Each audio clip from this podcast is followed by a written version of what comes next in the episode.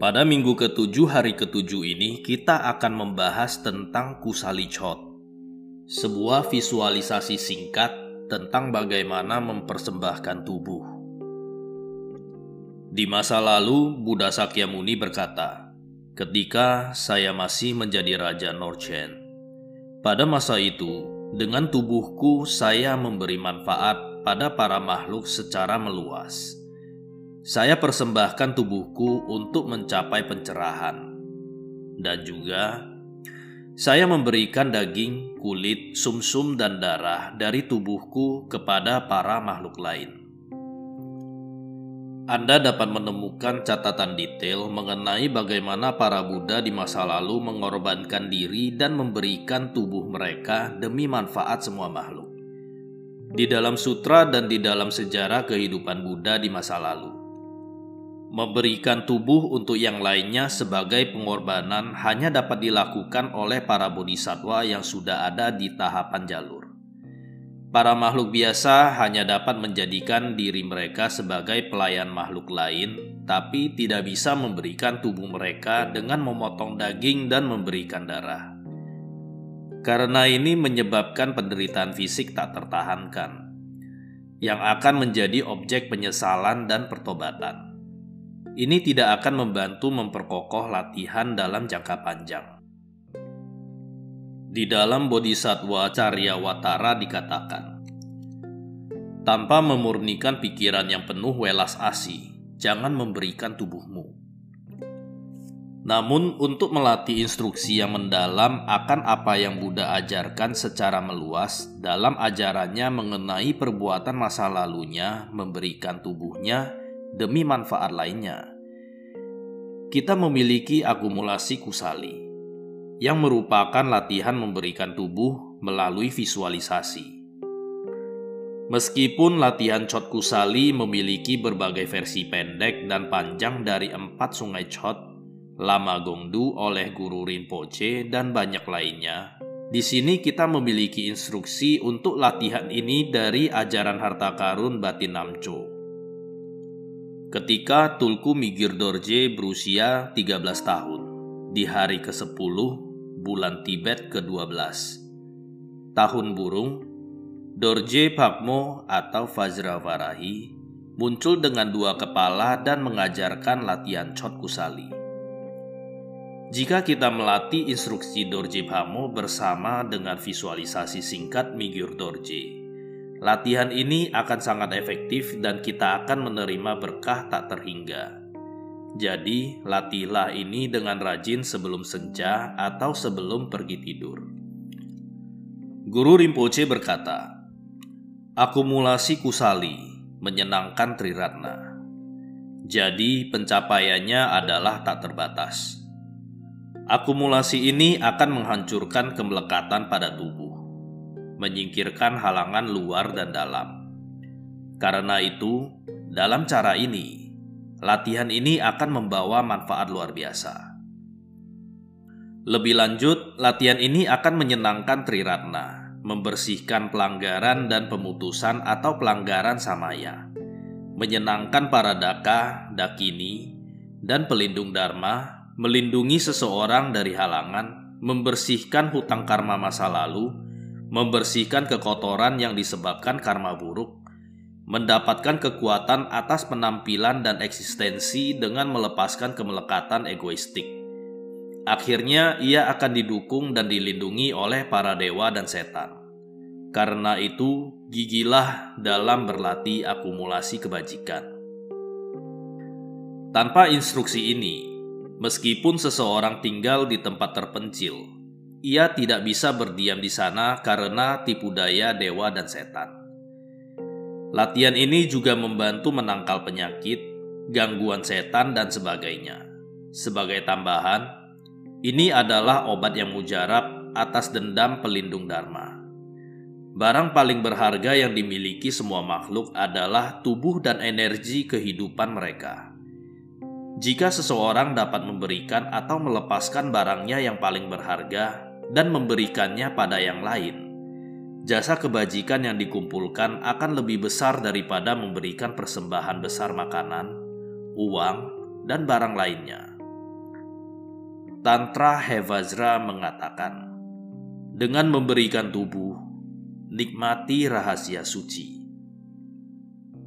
Dedikasi jasa Setelah mendengarkan ajaran mengenai persembahan mandala dan latihan Chot Kusali, untuk mencegah lenyapnya apa pun jasa kebajikan yang telah dikumpulkan, dedikasikan kebajikan tersebut demi manfaat semua makhluk dengan membacakan doa ini tiga kali apa pun kebajikan yang telah dikumpulkan, saya dedikasikan kepada semua ibu makhluk di enam alam. Bagian ini menutup ajaran mengenai persembahan mandala, bagian kedua dari ajaran pendahuluan tidak umum, bagian ketujuh. Akumulasi kusali Sekarang sampailah kita pada suatu persembahan singkat dengan tubuh milik kita sendiri yang disebut akumulasi kusali. Karena latihan ini ada hubungannya dengan guru yoga dalam menemukan peristirahatan dalam hakikat batin, maka diizinkan untuk digabungkan dengan guru yoga sebagai alternatif dan tanpa pertentangan. Ini dapat juga dilatih sebagai bagian dari akumulasi pahala bersama-sama dengan persembahan mandala. Sesuai dengan tradisi guru saya yang mengajarkan cara tersebut, maka latihan ini ditambahkan setelah persembahan mandala. Tubuh sebagai suatu persembahan. Kata kusali berarti pengemis. Untuk menghimpun pahala dan kebijaksanaan, yogi-yogi yang sudah meninggalkan kehidupan biasa, misalnya pertapa-pertapa yang hidup di pegunungan, menggunakan visualisasi untuk mempersembahkan tubuh mereka sendiri karena mereka tidak punya harta lain untuk dipersembahkan. Semua benda lain yang kita kumpulkan di sekeliling kita dengan begitu banyak usaha dan perhatian adalah untuk pemeliharaan tubuh kita. Dan dibandingkan dengan harta benda lainnya, tak ayal lagi, tubuh kitalah yang paling kita sayangi memangkas kemelekatan kita terhadap tubuh kita sendiri dan menggunakannya sebagai suatu persembahan adalah jauh lebih menguntungkan dibandingkan persembahan harta benda lain mana pun.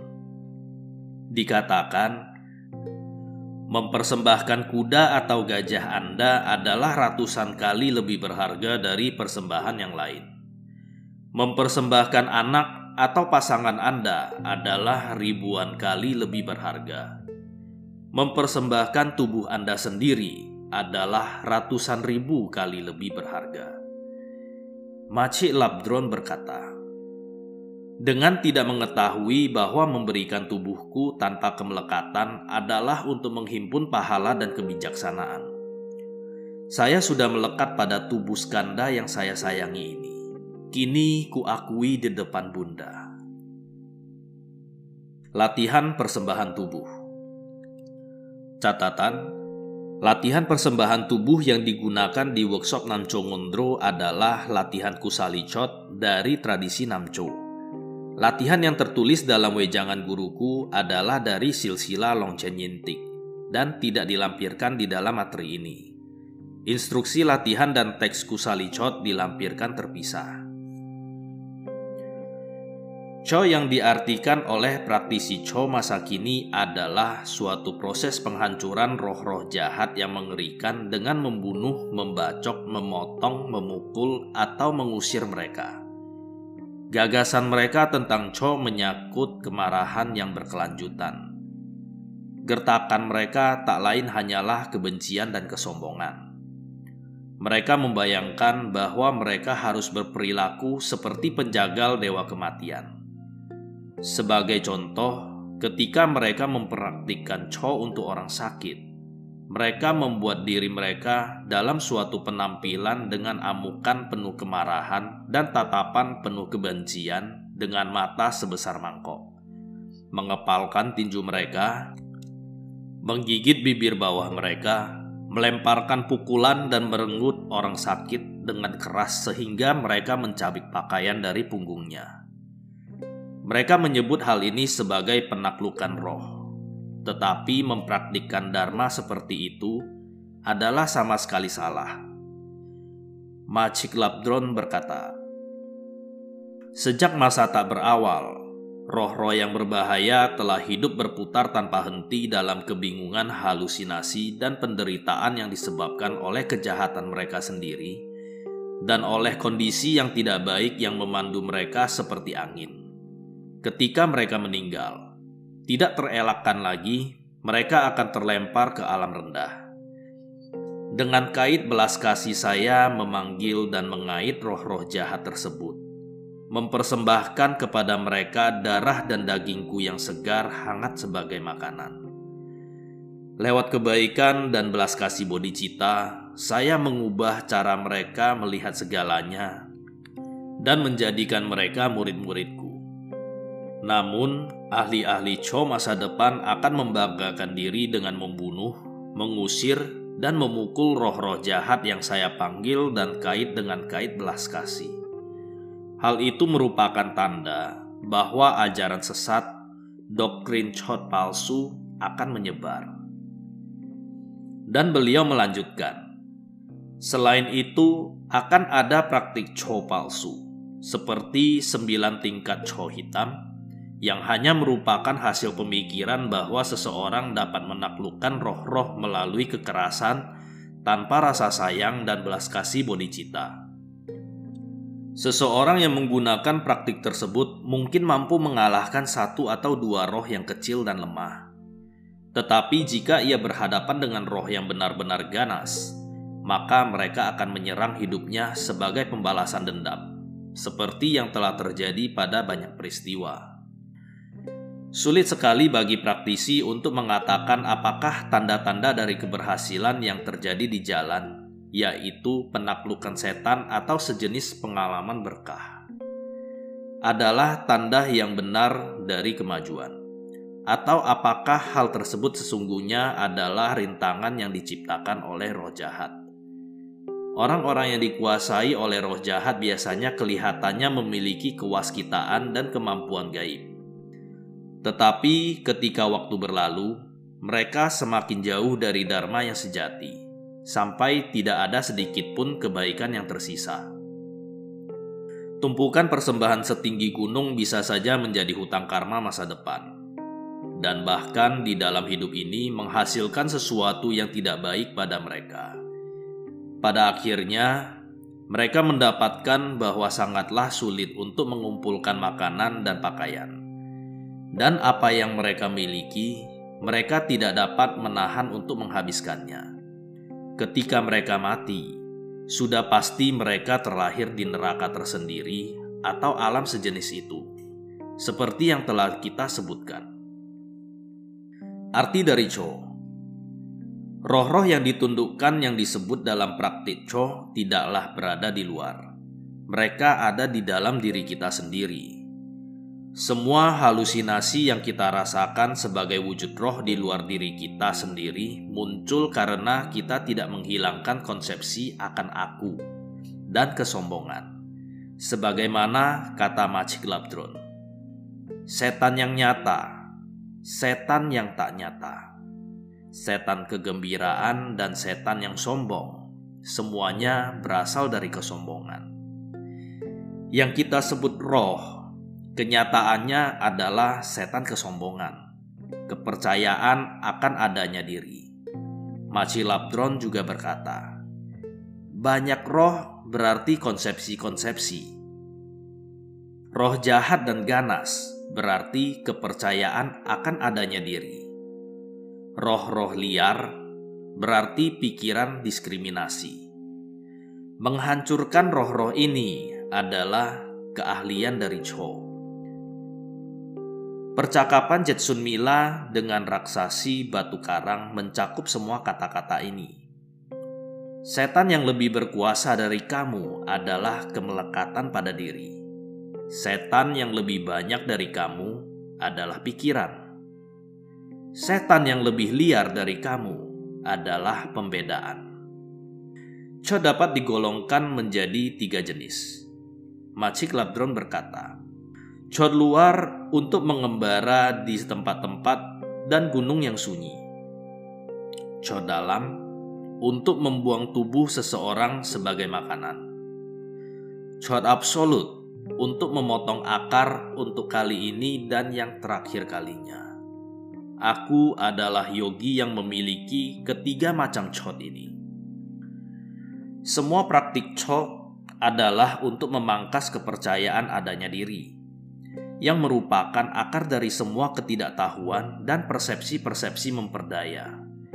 Inilah yang dimaksud dengan kalimat chot absolut adalah untuk memotong akar untuk kali ini dan yang terakhir kalinya. Setan luar hanyalah persepsi-persepsi yang menipu. Selama Anda tidak menghancurkan kepercayaan Anda akan adanya diri, maka berusaha untuk membunuh mereka tidak akan membuat mereka mati. Memukul mereka tidak akan berakibat apa pun terhadap mereka. Menginjak-injak tidak akan meremukkan mereka. Mengusir mereka tidak akan membuat mereka menjauh, kecuali jika Anda memotong akarnya, yang merupakan kesombongan di dalam diri Anda anda tidak akan mampu membasmi setan-setan khayalan yang merupakan manifestasi luar. Sama halnya, Anda tidak bisa luput dari asap tanpa mematikan apinya. Raksasi batu karang berkata kepada Jetsun Mila, "Jika Anda tidak mengetahui bahwa setan-setan jahat berasal dari pikiranmu sendiri, akan ada tak terhitung jumlah setan seperti diriku Aku tidak akan meninggalkanmu hanya karena Anda menyuruhku pergi. Dan Jetsumila juga berkata, Menganggap setan sebagai setan akan mencelakakanmu. Mengenali bahwa setan adalah pikiran akan membawa pembebasan. Menyadari setan bersifat kosong adalah cot. Anda yang muncul sebagai roh-roh berbahaya dan raksasa laki-laki ataupun perempuan ketika seseorang tidak memahamimu, menganggapmu sebagai setan yang membawakan semua kekacauan dan rintangan. Tetapi ketika seseorang memahami bahwa setan adalah juga dewa, Anda menjadi sumber dari semua pencapaian. Apa yang disebut chot adalah untuk menghilangkan kepercayaan akan adanya setan dari dalam pikiran sendiri bukan untuk membunuh mereka, mengusir mereka, meremukkan, dan menghancurkan mereka. Harus kita pahami bahwa yang dihancurkan tersebut bukanlah berada di luar, ia ada di dalam diri kita. Secara umum, hampir semua tradisi agama mengajarkan suatu pendekatan yang agresif terhadap musuh luar dan pencipta rintangan, yang menggunakan cara yang tajam, kejam dan keras, dengan ujung panah dan tombak yang semuanya mengarah keluar. Tetapi tradisi kita, seperti kata Jetsun Mila, sistemku memberantas kepercayaan akan adanya diri, membuang delapan angin duniawi, dan membuat keempat setan roh-roh jahat merasa malu. Arahkan semua latihan Anda ke arah dalam dan kerahkan segenap kekuatan keterampilan, dan kemampuanmu melawan kepercayaan akan adanya diri yang bersemayam di dalam Anda. Mengatakan, "Makanlah saya, ambillah saya." Sekali adalah seratus kali lebih baik dibandingkan meratap. Lindungi saya, selamatkanlah saya. Mempersembahkan diri Anda sendiri sebagai makanan kepada seratus setan adalah lebih baik dibanding memohon pertolongan kepada seratus hidam. Kita mempercayakan penderita sakit kepada roh jahat. Kita bersandar pada musuh kita untuk memandu kita. Mengatakan sekali, "Bunuhlah saya, telanlah saya," adalah lebih baik dibandingkan dengan ratusan kali, "Lindungi saya, selamatkanlah saya." Ini adalah tradisi Bunda yang mulia. Jika Anda memangkas kepercayaan Anda terhadap roh-roh jahat pada akarnya dari dalam, Anda akan melihat segala sesuatu adalah murni, sebagaimana kata pepatah. Roh-roh jahat menjadi para pelindung Dharma, dan wajah para pelindung menjadi wajah Nirmanakaya. Orang-orang sekarang yang mengaku praktisi Chot tidak mengerti hal ini sama sekali dan tetap berpikir bahwa roh-roh tersebut adalah sesuatu di luar mereka. Mereka percaya akan setan dan terus menganggapnya begitu sepanjang waktu. Dalam setiap kejadian, mereka melihat adanya hantu atau siluman. Mereka tidak memiliki ketenangan pikiran mereka sendiri dan selalu membingungkan orang lain dengan kebohongan mereka yang disampaikan dengan gertakan tegas. Ada hantu di atas sana, dan di bawah sana juga. Ada hantu. Tuh, ada setan, ada iblis. Saya dapat melihatnya. Hah, ini sudah kutangkap. Sudah saya bunuh. Hati-hati, ada satu yang sedang berbaring di dalam menantikan Anda. Saya sudah mengusirnya. Tuh di sana, ia menoleh ke belakang. Roh-roh dan preta mengetahui apa yang dikerjakan oleh orang-orang seperti itu dan mengikuti mereka ke mana saja mereka pergi. Contohnya, mereka akan mengambil harta benda wanita-wanita yang berpikiran picik dan mudah dikendalikan, serta membuat segala macam rupa pernyataan yang berulang-ulang dan tidak masuk akal. Saya seorang dewa, saya hantu, saya adalah orang yang meninggal. Saya adalah ayah Anda yang tua. Saya adalah ibu Anda yang tua. Dan seterusnya. Kadang-kadang mereka berkata, "Saya adalah dewata. Saya adalah pelindung dharma. Saya Damchen." Dan berbicara tentang penglihatan gaib dan ramalan palsu.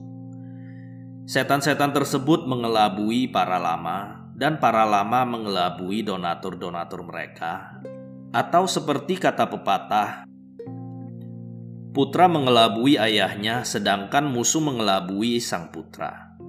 Ini semua adalah tanda-tanda dari masa kemerosotan dan menunjukkan bahwa setan-setanlah yang sedang mengambil alih kekuasaan. Seperti ramalan sang guru dari Udiana. Dalam masa kemerosotan, setan-setan lelaki akan masuk ke dalam hati pria. Setan-setan perempuan akan masuk ke dalam hati wanita. Hantu-hantu akan masuk ke dalam hati anak-anak. Perusak samaya akan masuk ke dalam hati biarawan. Akan ada setan dalam setiap hati orang Tibet. Dan ketika setan dikira dewa, waktu penderitaan akan datang di Tibet. Ramalan-ramalan ini sudah terjadi janganlah ditipu oleh persepsi palsu tersebut. Menganggap setan-setan dan pembuat rintangan benar-benar ada dan muncul di luar Anda. Namun, latihlah diri Anda sendiri untuk melihat segalanya sebagai pajangan mimpi atau ilusi. Fenomena setan di satu pihak dan orang sakit di lain pihak muncul sementara seperti penyerang dan korban. Keduanya muncul dari perbuatan-perbuatan negatif dan persepsi-persepsi yang menyimpang yang menghubungkan mereka bersama-sama dengan cara seperti itu. Janganlah memihak. Jangan menyayangi yang satu dan membenci yang lainnya. Tumbuhkan cinta kasih dan belas kasih bodhicitta kepada keduanya. Potonglah dari akarnya semua perhatian dan kepercayaan Anda akan adanya aku dan berikan tubuh dan hidup Anda tanpa rasa pelit kepada roh-roh sebagai makanan. Berdoa dari lubuk hati Anda agar makhluk-makhluk ini menjadi tertarik pada Dharma yang benar. Menenangkan kebencian dan rasa dengki mereka. Lalu jelaskanlah ajarannya kepada mereka. Ketika Anda akhirnya memangkas akar semua kepercayaan dalam dualitas akan adanya penyerang dan korban, melihatnya sebagai dewa dan setan, diri sendiri dan orang lain, dan semua hasil konsepsi dualistis dari harapan dan ketakutan, kemelekatan dan kebencian, baik dan jahat, kesenangan dan sakit, Anda akan temukan sebagaimana dikatakan. Tiada dewa maupun setan adalah poin penting keyakinan dari pandangan Tiada gangguan maupun kemelekatan adalah poin yang penting dari meditasi. Tiada penerimaan ataupun penolakan adalah poin yang penting dari perbuatan. Tiada harapan ataupun ketakutan adalah poin yang penting dari hasil.